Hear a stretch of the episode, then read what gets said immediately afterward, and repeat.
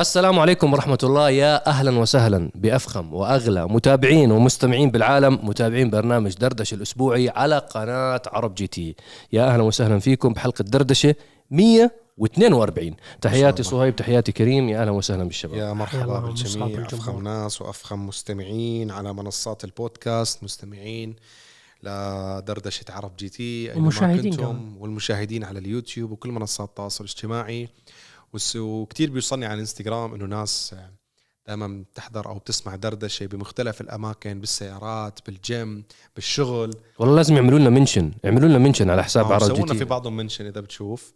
آه فكل الشكر لكم لمتابعينا الفخمين. آه حتى الناس اللي تابعوا دردشه الماضي أنا ما كنت معكم أرسلوا لي بسناب أرسلوا لي إنستغرام. وأنا شو كنت بحكي لهم إنه أنا عمان بس ما بقدر أخبركم اسم السيارة بيبعتوا لي على سناب وإنستغرام. والله مصعب وصهيب مصعب جاب العيد خبرنا مع أي شركة. وأنت قاعد تقول ما بقدر أقول ما بقدر أقول. ف نعم. تقرب على المايك. هيك كويس. آه، أحسن. سامعيني يا شباب؟ صح صايم قلبك حبيبي. فاي والله أنا كنت في عمان مع شركة أودي. آه، جربنا عدد من السيارات اللي لم تطلق بعد.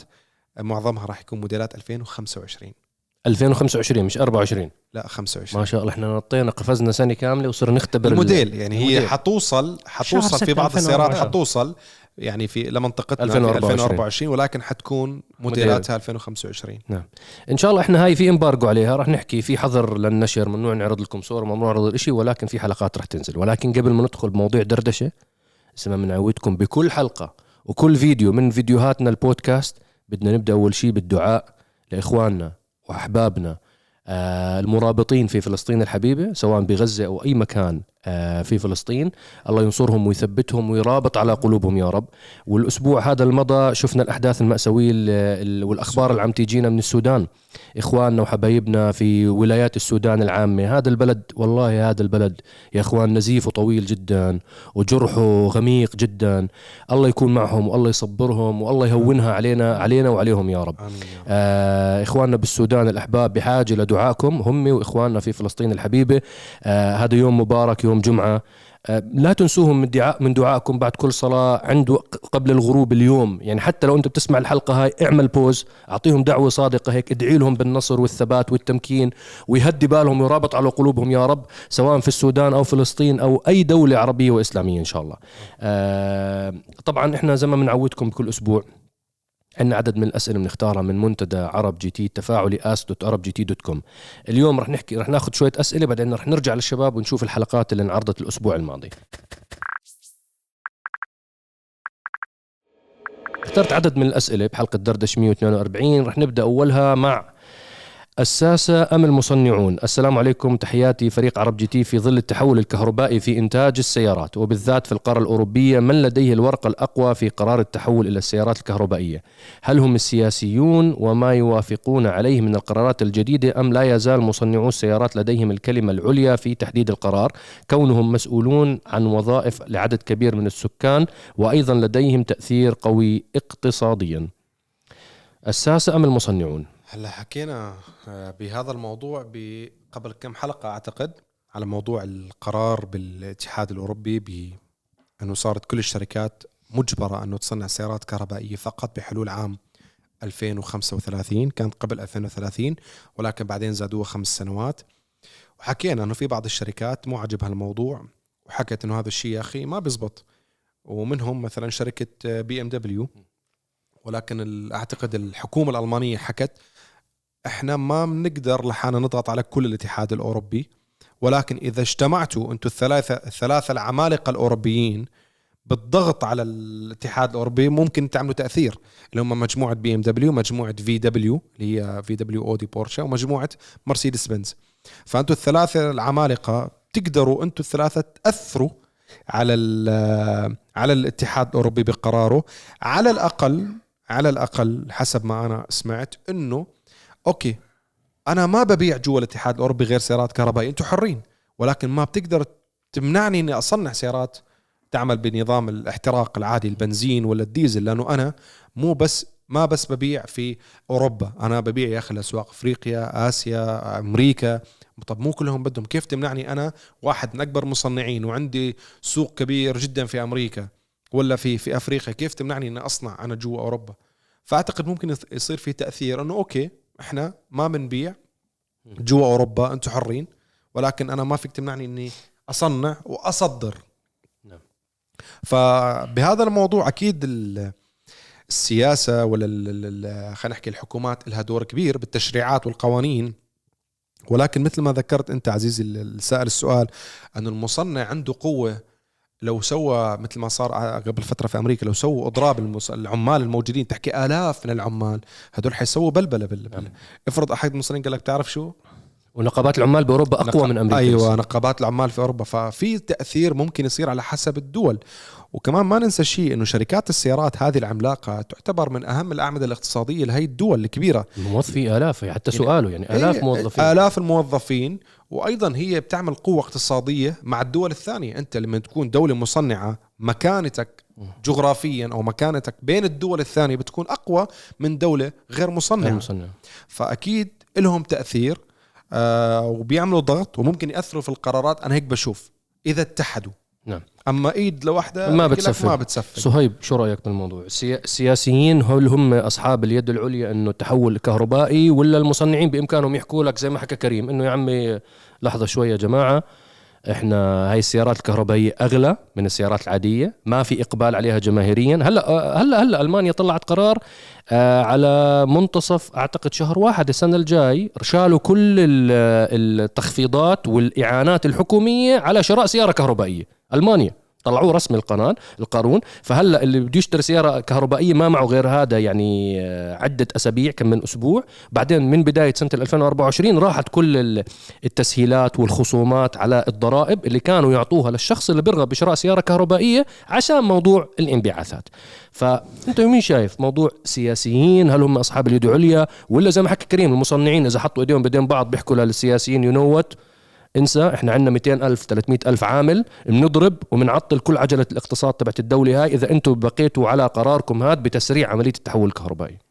والله شوف أنا الموضوع بطلع عليه بمنظور مختلف.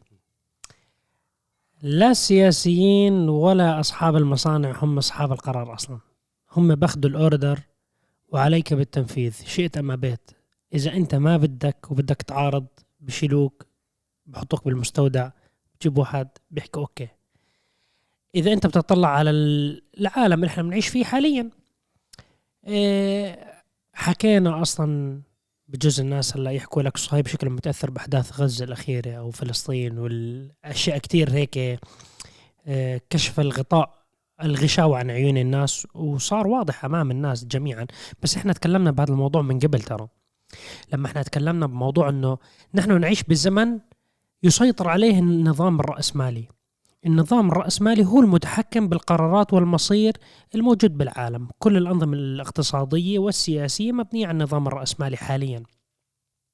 النظام الرأسمالي زي الهرم زي المثلث.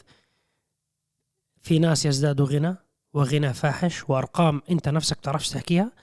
والطبقة الموجودة بالمنتصف تنعدم حاليا تنزل للأسفل. فهو النظام يعني أنت بتقدر ما فيه عدالة اجتماعية أو, عبو- أو توزيع عبو- الثروات عبودية. غير عادل.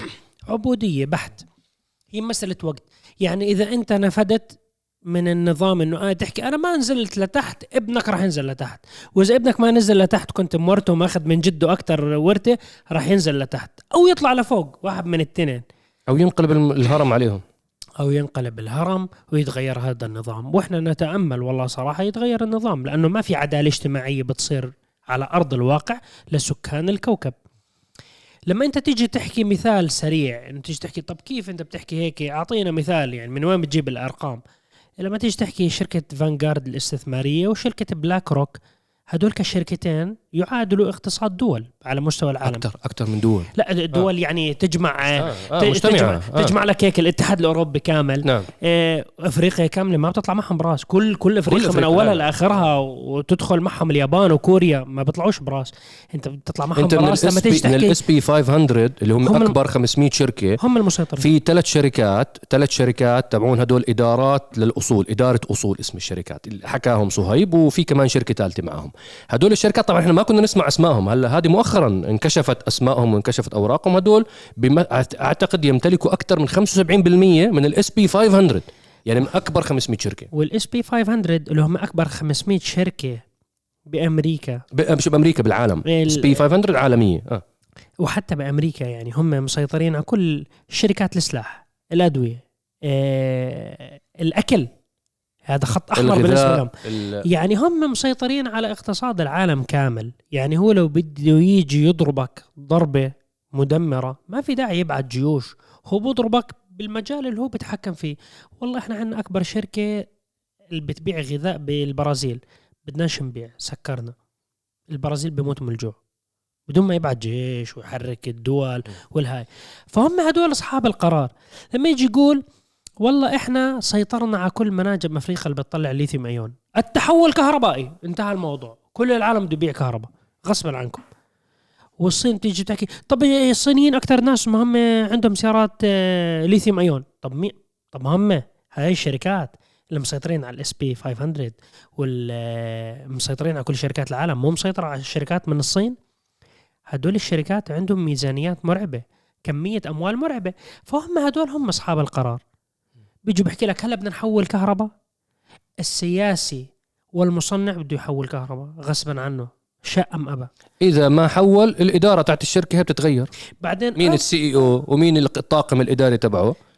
يعطيكم العافية شباب هي تعويضاتكم. ويعطيكم العافية. هلا أنت ممكن يحول العالم كلياته كهربائيا لمدة عشر سنين. بعدين cash out أنت هل تعتقد إنه رح يحول العالم كهربائيا؟ هلا هو ممكن يحول البنية التحتية يساوي اللي بده إياه. ويطلع cash out بعدين يحكي لا يا عمي هذا الحكي حكي فاضي.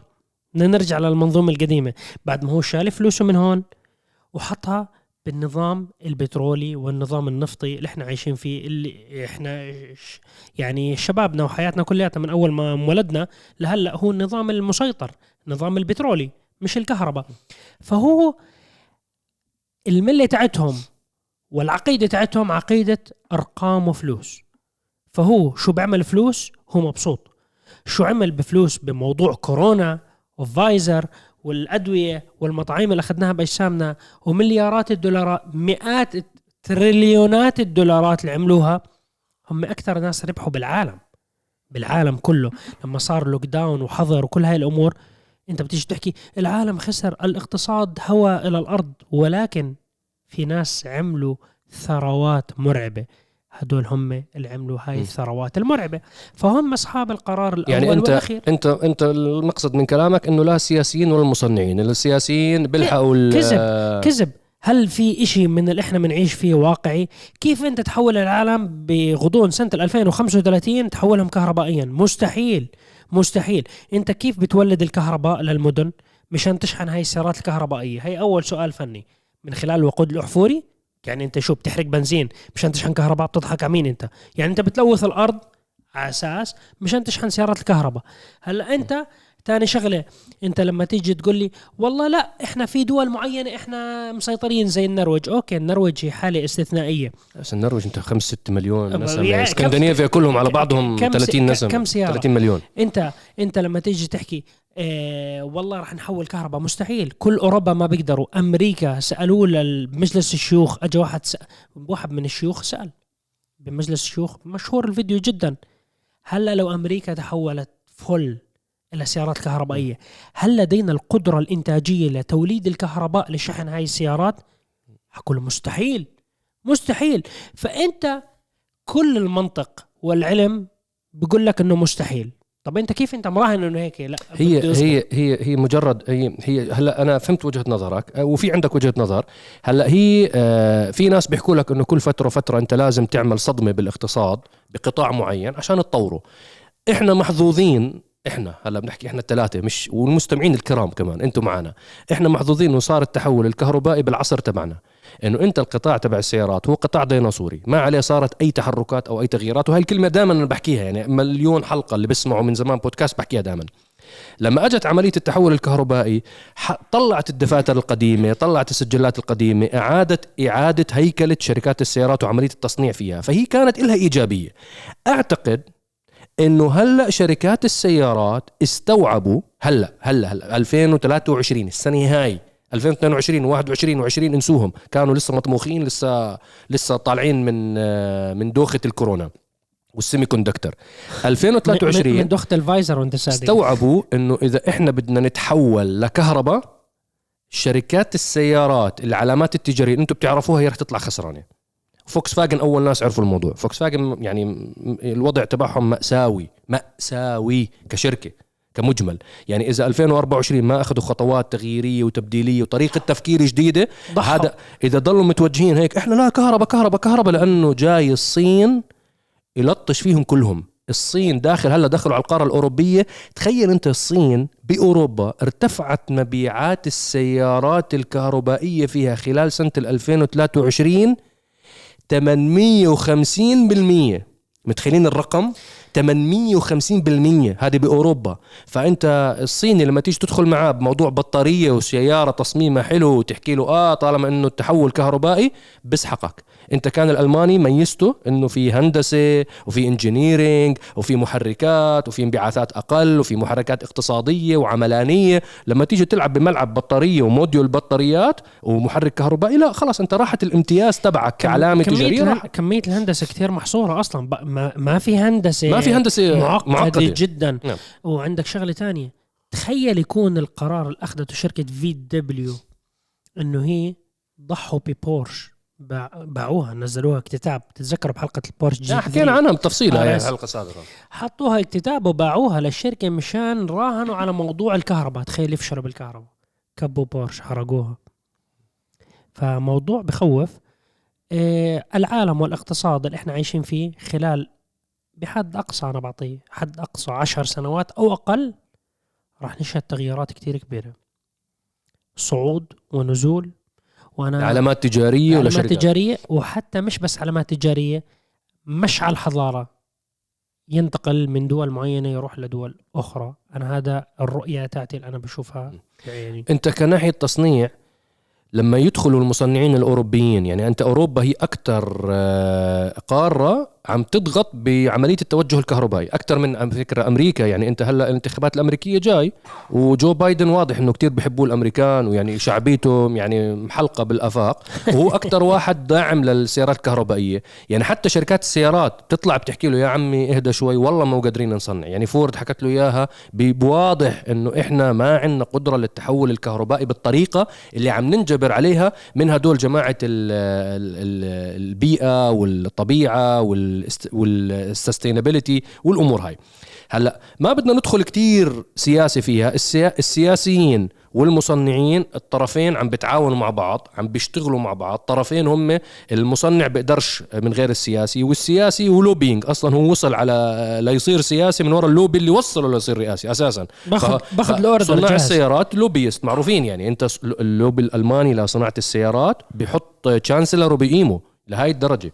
فيعني تحالفهم جدا قوي وهذا قطاع كتير حيوي بالاقتصاد الألماني. ونفس الشيء بأمريكا الجماعة من من من قمة الصناعات اللي فيها lobbyists جوا صناع القرار السياسيين. أنا أعتقد إنه 2024 2025 راح يهدوا اللعب. هاي أنا توقعاتي الشخصية. راح يهدوا اللعب على موضوع التحول الكهربائي السريع اللي كانوا بيجبروه لصناع السيارات. أعتقد إنه راح يصير في عند كل صناع السيارات. تدخل على ال showroom عندهم. في عندهم خيار كهربائي. عندهم خيار راح يكون لا محرك مثلا أربعة سلندر أو ستة سلندر. محركات الثمانية سلندر أساسا راح تطلع من التصنيع. أساسا. انسوا التحول الكهربائي. عملية ال- التقنيات التصنيع الجديدة. هلأ أنت بست سلندر وب twin turbo بيطلع لك output بيطلع لك قوة حصانية وقوة عزم أقوى من محركات الثمانية سلندر. وهذا شفناه إحنا. يعني هذا تطور طبيعي لهذا القطاع. اقوى من ال 12 اقوى سلندر. من 12 هلا سلندر. في مصنعين رح يضلوا يطلعوا 10 سلندر و12 سلندر رح يضلوا و8 سلندر. بس انت كم سيارة بيصنعوا هدول؟ إحنا بنحكم هدول- على هدول- نعم، ال mass، المجمل. على ال... على أكبر مصنع. يعني أنت هلا اتوقعوا خلال خمس سنين اللي جاي محركات كتير تكون أربع سلندر 2000 CC turbo وتكون تولد قوة حصانية مقدارها مثل تماما الثمانية سلندر اللي موجود كان قبل سنتين أو محركات ال 1500 CC و1000 CC. 600 حصان و700 wow. حصان بوصلوا فيه عادي. مع بطارية ومحرك بترول خلص بترول. خلص الموضوع. فمش موضوع إنه بس كهربة السيارات. كهربة السيارات أنا أعتقد رأيي الشخصي راح تهدي. خلال السنتين الجايين رح يهدوا صناع السيارات. رح يحكي لك عندنا كهرباء هيو موجود. بدك كهرباء تفضل. وبتتذكروا أنتم من زمان أنا حكيت لكم أنا قابلت مدير ب BMW وحكى لي كلمة جوهرية. كلمة يعني آه، أنت إحنا ك كعرب GT يعني يعني فعلا it make perfect sense إنه أنت كمصنع أنت بتحكي لي تعال قارة إفريقيا أعطيه بنزين. قارة آسيا ال- الخليج مثلا الوطن العربي أعطيه محركات بنزين ضلك صنع بنزين وديزل أعطيه. انت والله النرويج والسويد وما بدنا بلاستيك وما بدنا وال sustainability وارتفعت درجة حرارة الأرض درجة ودرجة ونص ولا وبتطلع هاي البنت السويدية اللي دائما بتصرخ ما بعرف إيش بتصرخ بتطلع بتحكي اعطيه كهرباء هدول خليهم كهرباء لا يوم الكهرباء بدك خود وهي معفي من ال taxation وأعطيهم كهرباء.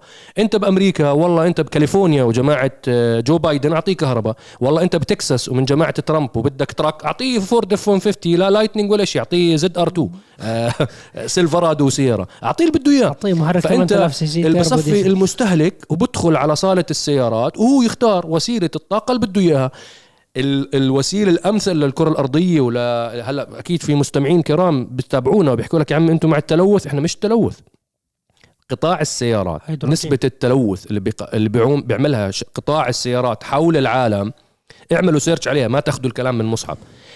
قطاع السيارات كله يعتبر من الملوثات القليلة جدا بكوكب الأرض مقارنة بالأشياء الثانية اوقفوا الحروب يا أخي. اوقفوا تصنيع الأسلحة. هاي اللي بتسوي تلوث. فإذا إحنا ما بدنا نكون منافقين أو مجاملين على على حد أشياء تانية أنت ط- المصانع نفسها كمية التلوث اللي بتسويه والسي أو 2 الانبعاثات اللي بتسويها المصانع مصانع ما حكينا تصنيع سيارات أكبر بمراحل من قطاع السيارات. بمراحل. بواخر. ولكن البواخر. والعملاقه هاي الناقلات النف... الناقلات الحاويات الكبيره العملاقة هاي كلها outdated كلها ملوثة جدا للبيئة. مكوك الفضاء اللي بيطلع آه، ها كمان واحدة منهم.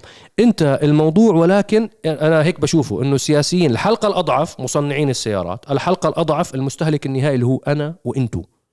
يعني أنت ناقلات النفط العملاقة وحاملات الشاحنات العملاقة مين هدول؟ مين صن مين أصحاب الشركات هاي؟ هذا القطاع لما تيجي تجدده مين الشركات الأم اللي مسؤولة عن الشحن؟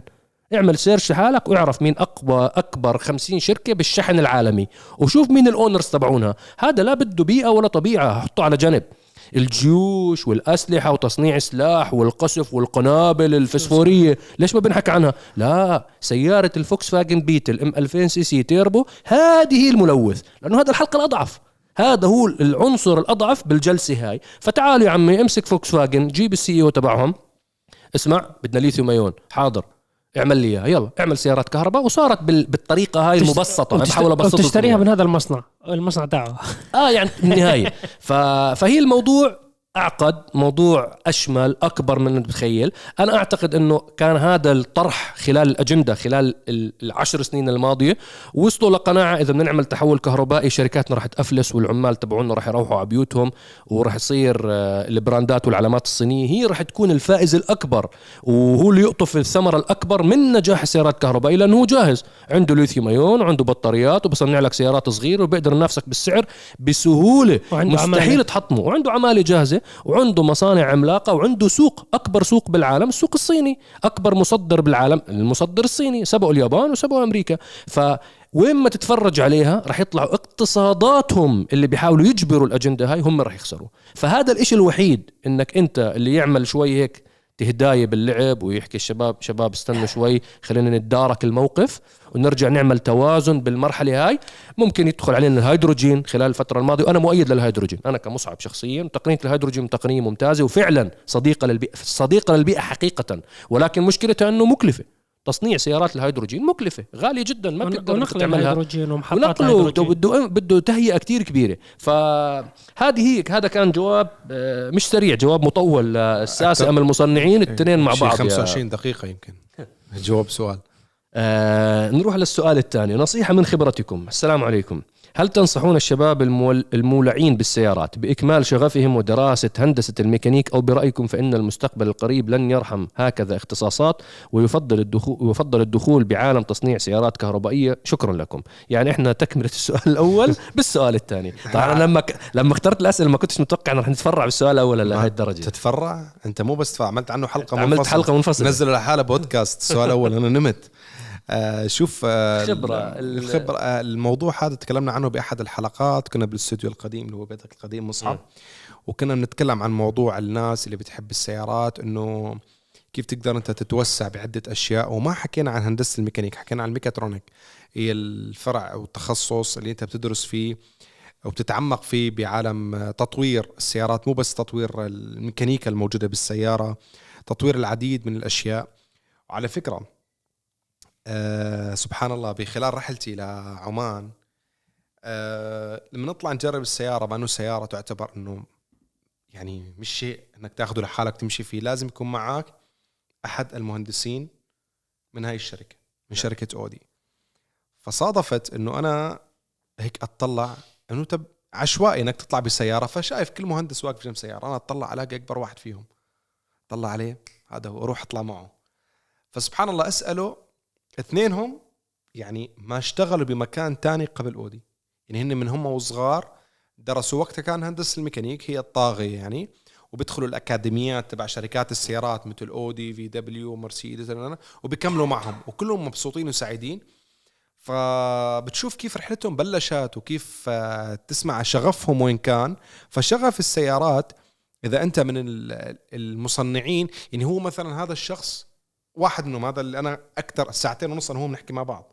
يعني خلصنا حكي عن السيارة لسه نحكي عن حياتنا ومنه حكي عن حياته هو يعني بدأ بقسم ال gearbox كان أول شيء يطور gearbox بس هو مو هدفه ال gearbox بس هن أول شيء ودوه طور gearbox حكى لي ما في نحكي معلومات إنه هو شو اشتغل على سيارات معينة هو كان أحد المهندسين المطورين.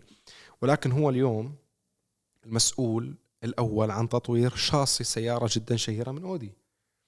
شاصي وانظمه تعليق وانظمه توجيه فهو عنده هو المهندس. المسؤول عنها. المهندس المسؤول عن كل ال team هو يعني هو ال- ال big boss بهذا اللي هو أهم شيء بالسيارة الشاصي نعم. الشاصي ما ما تفكروا شاصي إنه بس هالماسورتين الحديد. لا بتكلم شاصي لحموهم مع بعض. لحموا مع بعض وخلص لا وانظمه التعليق والقصص هاي. فهذا عنده شغف بهذا الشيء. وبيحس بالسيارة بشكل يعني مو سائقين فورمولا 1 أو سائقين رالي بيحسوا بكل شيء بالسيارة بس يسوقوا ويسابقوا وبيجوا بيحكوا للمدير اضبط لي كذا أرفع كذا. بس هيك حركة برغي واحد هو كثير مستشعر. هذا الشخص عنده قدرة إحساس سياره مش عادية فعنده حب لهذا الشيء فتخصص ودرس وتعب وسوى بهذا المجال. فأنت شوف نفسك mechatronic هي المستقبل حاليا بالتصنيع مو بس سيارات الآليات بشكل عام.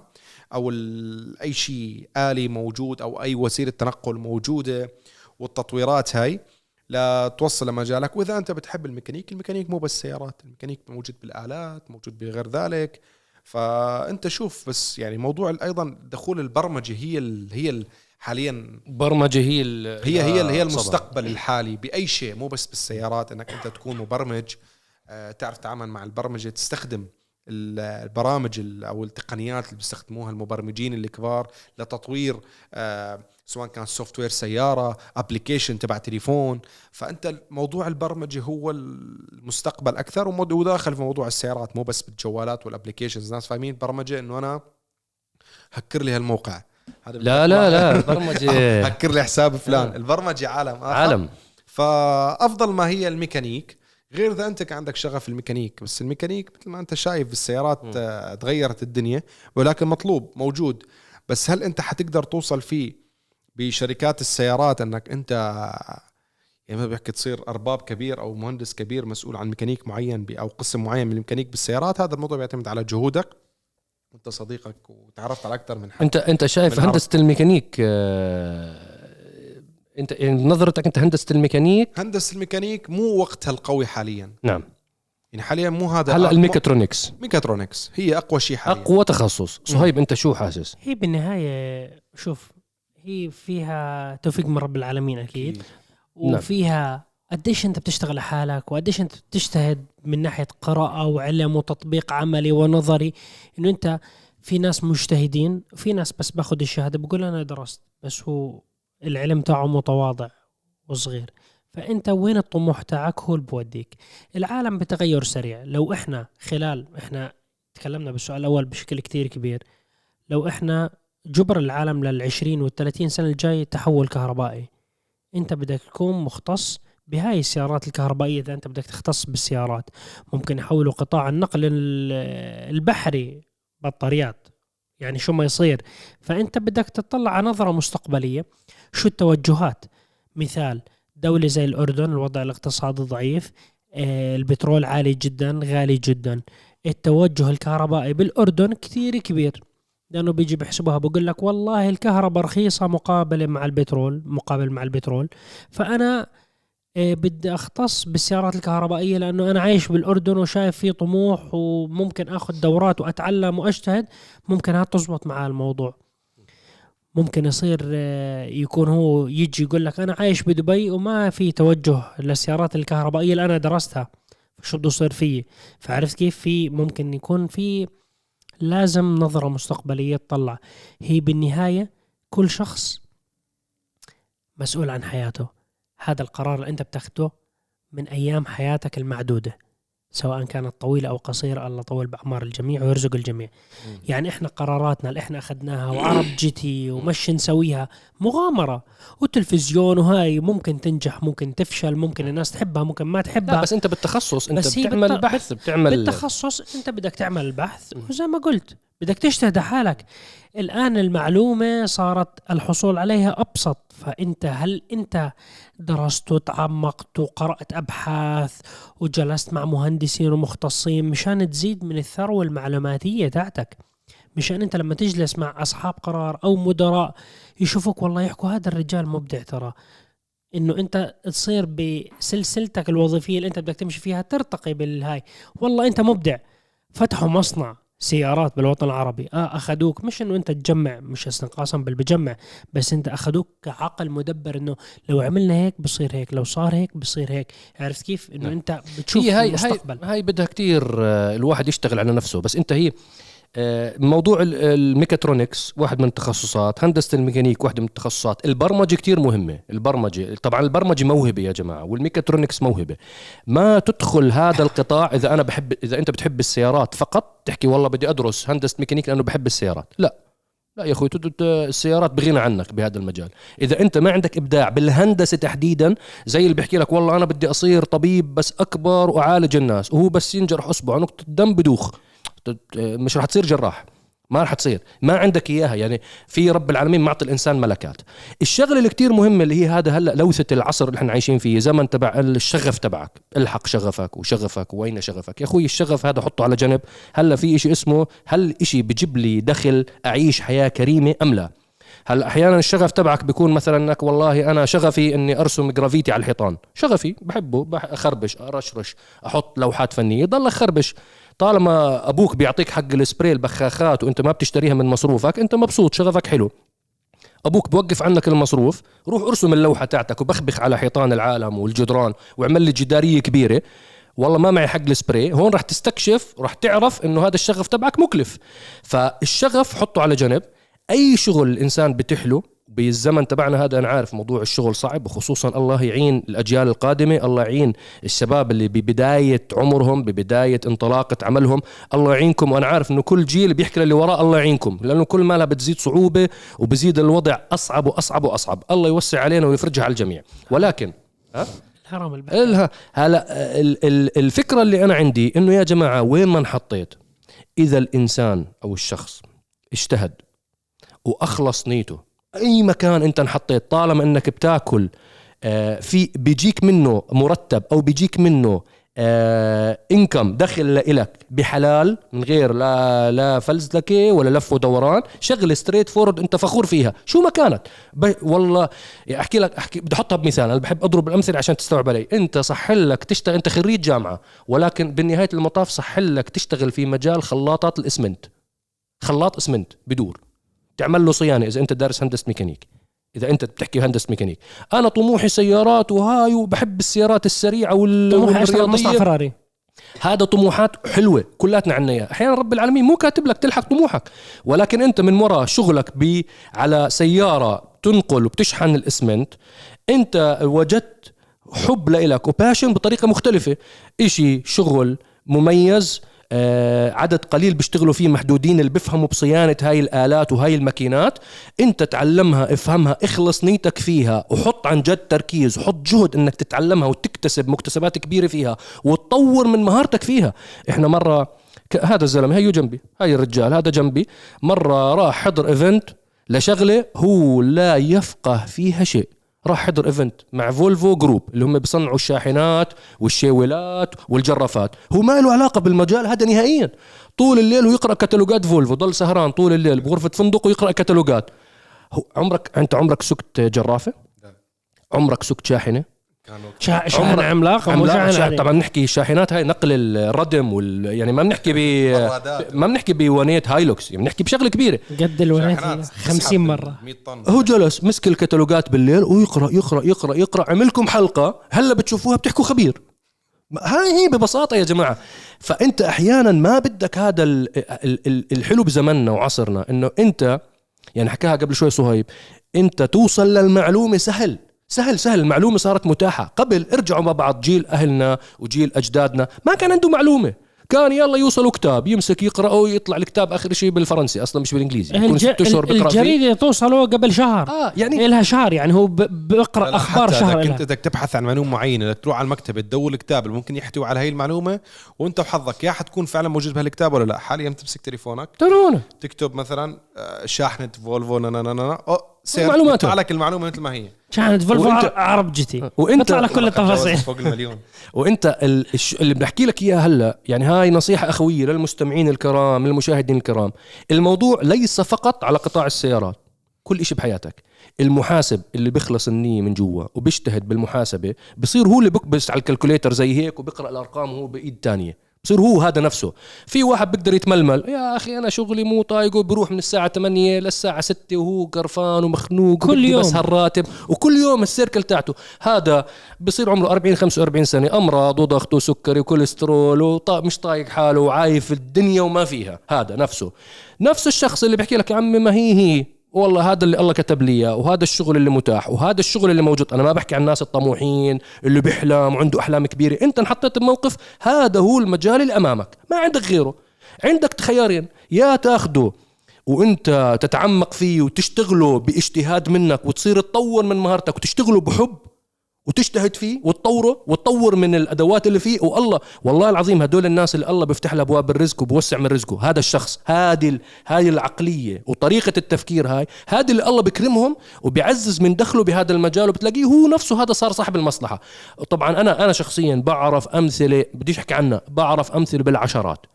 واحد خريج جامعة ماستر ما لقاش شغل. آخر إشي فتح محل صغير بصلح موبايلات. هلا ما شاء الله تبارك الله عنده محل كبير بصلح موبايلات وصار عنده أربع خمس موظفين وبده يفتح أكاديمية يعلم الناس كيف يصلحوا الجوالات كيف يغير شاشة وكيف يظبط ال processor. هو من شغله إنه بيحكي لك أنا زبطت موبايل أختي وموب- موبايل أخوي وموبايل أمي زبطت موبايلاتهم حسيت إنه والله هاي الشغله والله فيها باب رزق في أكثر من شخص والله موجودة. وإنسى ثقافة العيب هاي ثقافة العيب يعني كانت يمكن عند أهلنا حطوها على جنب. حطها على جنب. شو لعبة؟ تصبح لا موبايل؟ هلا فيش لا لا بحكيش على تصليح موبايل. بحكي بشكل عام أي شغل بالحياة ثقافة العيب حطها على جنب. آه والله عيب. أنا أنا آخر الزمن أشتغل حلاق أحكي أحكي للناس لحيتها وشعرها. آه حبيبي طالما إنك أنت هذا باب رزق حلال لإلك وانت شايف حالك انه وحتى هاي الشغلة اشتغلها وبلش تعلمها وهذا المقص شو بيفرق عن هذا وهذا الموس كيف بيفرق عن هذا وامسك بالون علم. وضلك ع- علم. علم. اشتغلها وطور من مهاراتك فيها بتلاقي. والله رب العالمين بيفتح لك ابواب وبيفتح لك تسهيلات لتصير انت صاحب صالون. أما روح اشتغلها وانت مجبور واجر لقدام وعشرة لورا وبينك وبين الدائرة المغلقة لما تسهر بالليل. هذا مديري وهذا شغلي وهذا هذا وهذا وهذا. بتضلك بنفس المكان. مكانك سر. وعمرك بمشي. بدي قاطعك. سامحني إضافة على كلامك. بيطلع لي على تيك توك أحيانا أكثر من شيء. يعني كيف أحكي لك؟ بده يشتغل شيء ومثل ما حكيت بصفي نيته وبيتعب عليه إني بدي أبدع بهذا المجال. صدقني بتنجح مهما كانت المهنة. وما في مهنة عيب. طالما أنت عم تتعب عشان تاكل لقمتك بالحلال وطعمي بيتك وأهلك بالحلال فهذا أشرف من أي شيء بالحرام. 100% يعني 100 100 درهم بالحلال أشرف من مليون آه، بالحرام أكيد. وربك بيبارك لك فيهم وبتحس بالنعيم اللي بيعطيك يا رب العالمين. بتيك توك وبالإنستغرام وبالفيسبوك شوفوا. أنتم بتقلبوا ركزوا أحيانا بيلفت نظركم شخص. يا أخي هو عنده محل فلافل في أحد البلدان. صار مشهور صارت الناس بس تجي سياحه على هذا البلد تروح عند هذا الشخص. ليش؟ مبسوط هو بيعمل سندويشة الفلافل وكيف بيتغزل فيها وكيف هو بيحكي لك إنه أنا ال quality عندي. ليش أنا أحسن من غير أنا أشوف النظافة وشوف كيف بعملها وشوف كذا. هذا مثال. رجل عنده سوبر ماركت سوبر ماركت كل المحلات عندهم نفس الأشياء نفس بالسوبر ماركت. البضائع كلها. نفس الب... يا أخي تعرف شو؟ اللي هي البضائع اللي مو... موسمية. ما أنت في supplier بوزع على كل المنطقة نفس البضاعة. طب ليش هذا؟ سبحان الله. أخلص النية حب عمله عنده حسابات في التيك. حاول يطوره بالوسائل اللي بإمكانه يعملها. بصفاء النية بيحبوا لهذه المصلحة اللي هو بائع. نعم. بائع. صور على السوشيال ميديا على ال social نزل ميديا. بيضحكوا عليه طبعا أصحاب السوبر ماركتات التانيين بيضحكوا عليه. عليه. يا عم أنت بتصور على ال social media فكرك رح تزيد مبيعاتك. تعرف هو اجتهد هو حاول. أنا اجى لعندي أحد أقربائي حكى لنا نروح على سوبر ماركت في منطقة اسمها كذا كذا توال بحكي لا بدنا نروح بدي أشوفه. لا هذا الشخص يا أخي حبيته. بيبيعك بطريقة كثير حلوة وبيقنعك إنه هو أحسن بضاعة. ما هو نفسها بكل مكان. بس عنده أسلوب سبحان الله وربنا رازقه ما شاء الله. فهي أحد الأمثلة إنه على كلامك ولا الحلاق. الآن أنت كل وليس استنقاصا من هاي الوظائف اللي بنحكيها. لا، لا، لأن لا. هدول أنا اصحابي أصحابنا أصحابنا هدول. عندي صاحبي حلاق صاحبي. عامل نظافة يا سيدي. آه لا أنت أي أي, شيء. مهنة أي مهنة. أي طالما طالما المهنة بتجيب لك فلوس حلال, حلال. أنا مرة والله طلعت لي مقطع واحد عامل بودكاست مع بنات بيشتغلوا باونلي فانز. هلا بس- بسمعوا بيعرفوا شو يعني OnlyFans سأل البنات سؤال. واحد جاي يقنعهم إنه هذا الكلام اللي بتعملوه أنتم غلط ومش منيح لكم وبنات صغار كلهم 20 و21 سنة. سألهم سؤال واحد حكى لها انت لو أبوك وأمك دخلوا واشتركوا معاكي بالقناة تاعت ال OnlyFans رح تكوني فخورة ورح تكوني خجلانة من حالك. انت المستمع الكريم انت أي شغلة بتشتغلها إذا والدك ووالدتك الله يحفظهم إذا كانوا عايشين والله يرحمهم إذا كانوا متوفين. إذا أجوا عندك وحاولوا يكونوا بزباين لإلك هل راح تكون فخور بدخلتهم عليك بهذا المكان اللي انت بتشتغل فيه أو بتعمله ولا راح تكون يا الله إيه جاب والدي على المكان هذا؟ يا الله والدتي ليش أجت؟ ليش أجت؟ ليش أجيت يا ماما على هالمكان؟ يا الله شو شعورك أنت؟ إذا شعورك الأول كمل. كمل. كمل والله بيفتح لك أبواب الرزق. إذا شعورك الثاني غير. غير غير مهنتك. والله اللي برزق في ناس كتير على فكرة عندها التصلب بالقرار بحكي لك يا أخي ما عندي أقساط وهاي وخلاص وهاي وهيك وهيك ماشية وبدنا نتحمل وكذا. هذا كله على راسي. بس أنت كيف الله بده يبارك لك؟ طبعا أنا ما بحكي لواحد آه، هلا كمان يفهمونا غلط. واحد عمره 16 سنة عم بيشتغل بساعد أهله يروح آه، يحكي لك لا أنا خلص بدي بدي أغير كل المهن تاعتي والكارير. أحيانا أنت من 16 و15 و14 و18 و20 هاي تقلبات على أساس تفهم أنت شو بدك عشان تعرف أنت وين مسير مسير الحياة. الحياة صعبة ومعقدة هذا العمر اللي عندك سنين أنت بتقضيهم تتعلم فيهم بسرعة. وبتيجي تحكي عادي لساتني بمقتبل شبابي. لما ابحث أنت تصير 40 و50 خلاص حبيبي. خلاص. هي فترة العشرينات أنت اللي تبحث فيها عن ذاتك وبتعرف بتعرف واعمل مغامرات. وين. اعمل مغامراتك ابحث وين أنت حتكون هون بتحدد مستقبلك وبتبدأ تأسس لحياتك.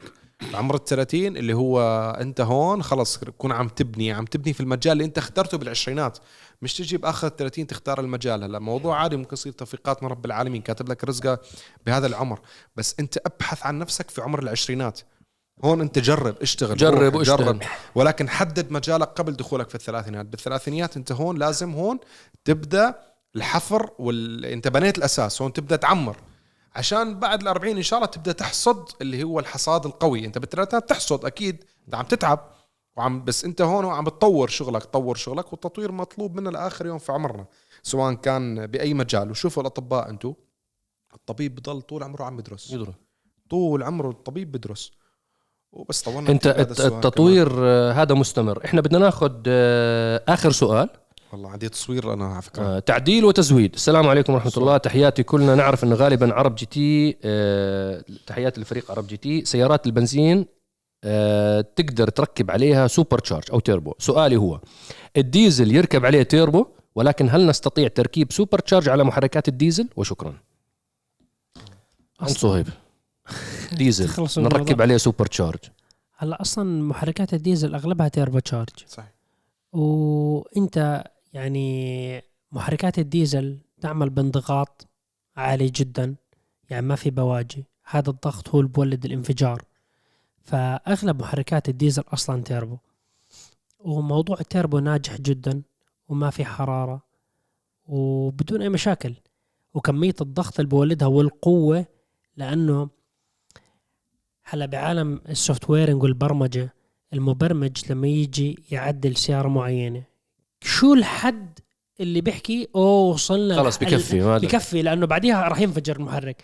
هذا الحد اللي هو مثلا بده يسمع صوت knock اللي هو صوت الصباب بيطلع إنه في مشكلة بالاحتراق خلاص أنت وصلت مراحل متقدمة. فبيجي بوقف بهدي شوي صغير عنها وبقول خلاص وصلنا ال limit محركات الديزل مع آلية ضغط الديزل اللي بولد للانفجار قابلة إنه كتير تطلع بال horsepower تاعها بطريقة عالية جدا.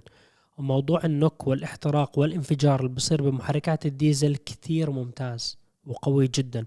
فهذا الشيء قابل إنه يعني تطلع أحصن كثير عالية من الديزل. الناس بتروح للتيربو لأنه التيربو بطلع قوة أكثر بكثير من ال supercharge ال supercharge عنده مشاكل الحرارة عنده مشاكل إنه أنت في حد معين من كمية الهواء اللي بإمكانك تدخلها للمحرك. التيربو بعطيك مجال أكثر. فمحرك قابل للضغط والانفجار بهاي الطريقة والآلية هو يعتبر أفضل تستخدم عليه ال turbocharge. وأغلب محركات الديزل حاليا إحنا بنعيشها أغلبها ديزل تيربو ديزل تيربو. وقابلة تصير صاروخ وقوية قابلة تصير قوية جدا وسريعة جدا وما عندها مشاكل بالتعديل نهائيا. بالعكس الدنيا تغيرت وتحسنت. وفي محسنات للإحتراق للديزل بصير الجودة تاعت الديزل ممتاز والانضغاط والانفجار بس رح يضل تيربو. وراح يضل تيربو. ما بدك supercharge. أنا مع التيربو مش مع ال super supercharge. شو مشكلته مع الديزل؟